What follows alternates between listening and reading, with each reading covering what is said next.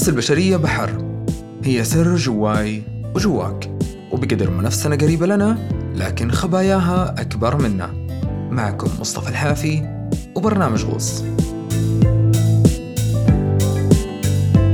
في غوص بنحاول نتعمق ببعض المشاكل والأمراض النفسية وطرق علاجها. بنروي قصة لأشخاص عانوا من هذه الأمراض وكيف أثرت فيهم وعلى حياتهم.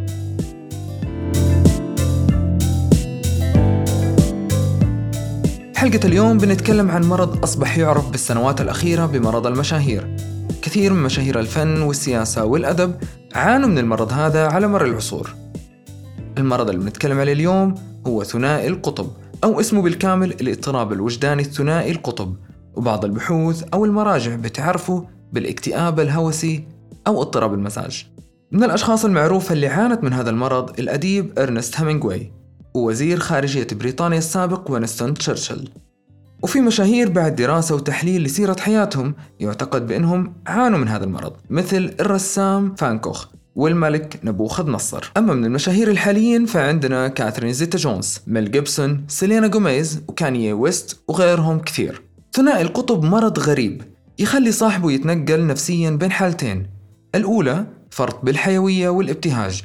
وهنا الشخص بيشعر إنه مليء بالطاقة ويبغى يعمل ويسوي ويتكلم ويطلع ويجي ويلتقي مع الناس ويشتغل ويصرف فلوسه ويشتري وكل هذا بنفس الوقت.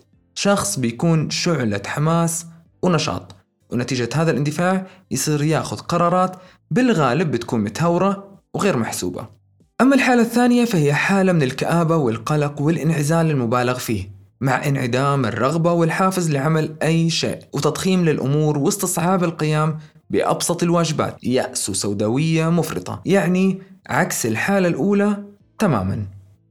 مرض اضطراب ثنائي القطب يجمع بين مرضين نفسيين بنفس الوقت مرض فرط النشاط ومرض الاكتئاب ولأنهم عكس بعض فبيكونوا كأنهم قطبين والدماغ يروح ويجي بينهم.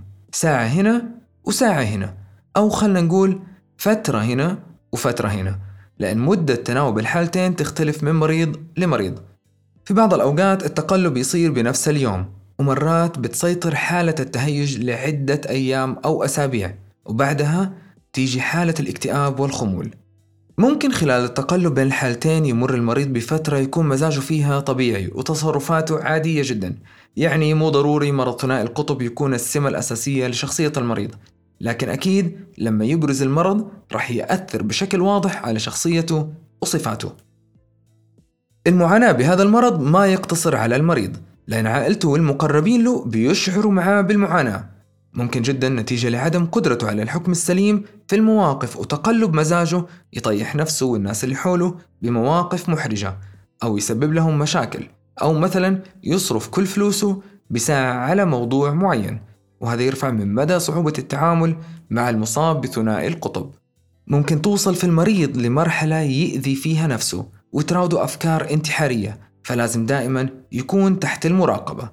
يفضل أن اللي يتعاملوا مع المريض يكونوا ملمين بمعلومات جيدة عن المرض وكيفية التعامل مع المريض وخصوصا لما يكون المصاب طفل.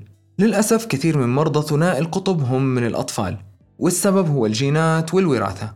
مرض ثنائي القطب مرض وراثي من الطراز الرفيع. إذا كان شخص بالعائلة مصاب فهالشيء بيزيد من احتمالية تواجده بالأجيال الجديدة داخل العائلة.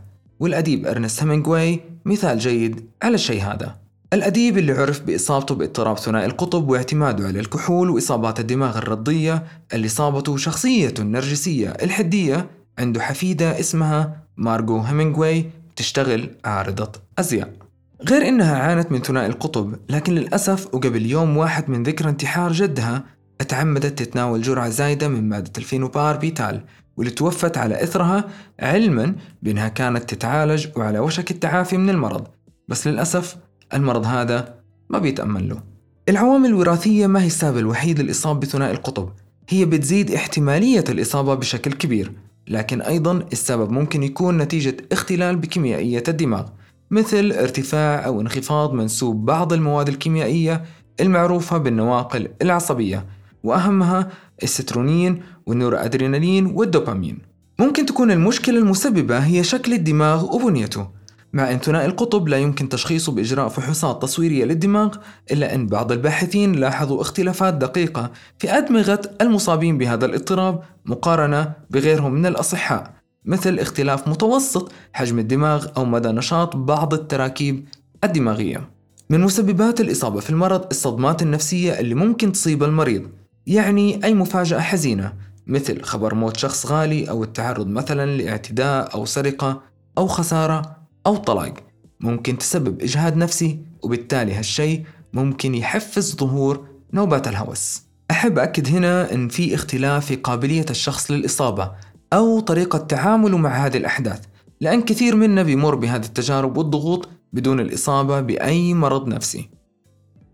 المرض هذا مثل ما قلت ما نقدر نجزم بمسبباته لكن لوحظ أن شرب الكحول وتعاطي المخدرات ممكن تدفع الشخص باتجاه الإصابة في هذا المرض خصوصا أن المواد الكحولية والإدمانية بشكل عام بتأثر بشكل كبير على تراكيب الدماغ وبنيته. خلينا الآن ننتقل للعلاج. بصراحة العلاج التام من اضطراب ثنائي القطب صعب شوي لكن بإمكاننا الاعتماد على تخفيف المحفزات المؤدية لنوبات الهوس والتقليل منها وبالتالي العلاج الدوائي بيلعب دور فعال بالأخص محسنات المزاج والأدوية اللي بيوصفها الطبيب. مهم جدا أن يكون تناول الأدوية بوصفة مختص لأن بعض الأدوية ممكن تكون دائمة وبتتناول باستمرار يعني ممكن توصل أن المريض يتناول الأدوية مدى الحياة. بالتالي الجرعات والكميات بتتغير بشكل كبير حسب المريض وشدة المرض. من طرق العلاج بعض البرامج العلاجية اليومية اللي بيتم من خلالها تقديم الدعم والمشورة والأهم جلسات علاج الإدمان للي بيحتاج. علما أن المصابين بثنائي القطب اللي بيعانوا من إدمان كحولي أو مخدرات هم من أصعب المرضى كعلاج وبالحالات المتقدمة من المرض بيتحتم علينا ندخل المريض للمستشفى وبالتحديد لما تكون تصرفاته خارجة عن السيطرة وتطورت معه حالة الهوس أو حاول ينتحر ويأذن لحوله فبدخول المستشفى المتخصص بيتم التركيز على توفير الجو المناسب والبيئة اللي بتحافظ على هدوء المريض وتحميه من نفسه. طبعا مع القدرة على متابعة علاجه بشكل أفضل. نصيحة أخيرة لمرضى ثنائي القطب. نوهت أن المرض مرتبط بالمشاهير والمبدعين وللأسف من الأشياء اللي بتزيد من غرابة المرض أن العديد من المصابين بيعتبروا هذا المرض قوة خارقة. وبكثير حالات المريض نفسه بيرفض العلاج. وعندكم كانيي ويست مثال على الشيء هذا.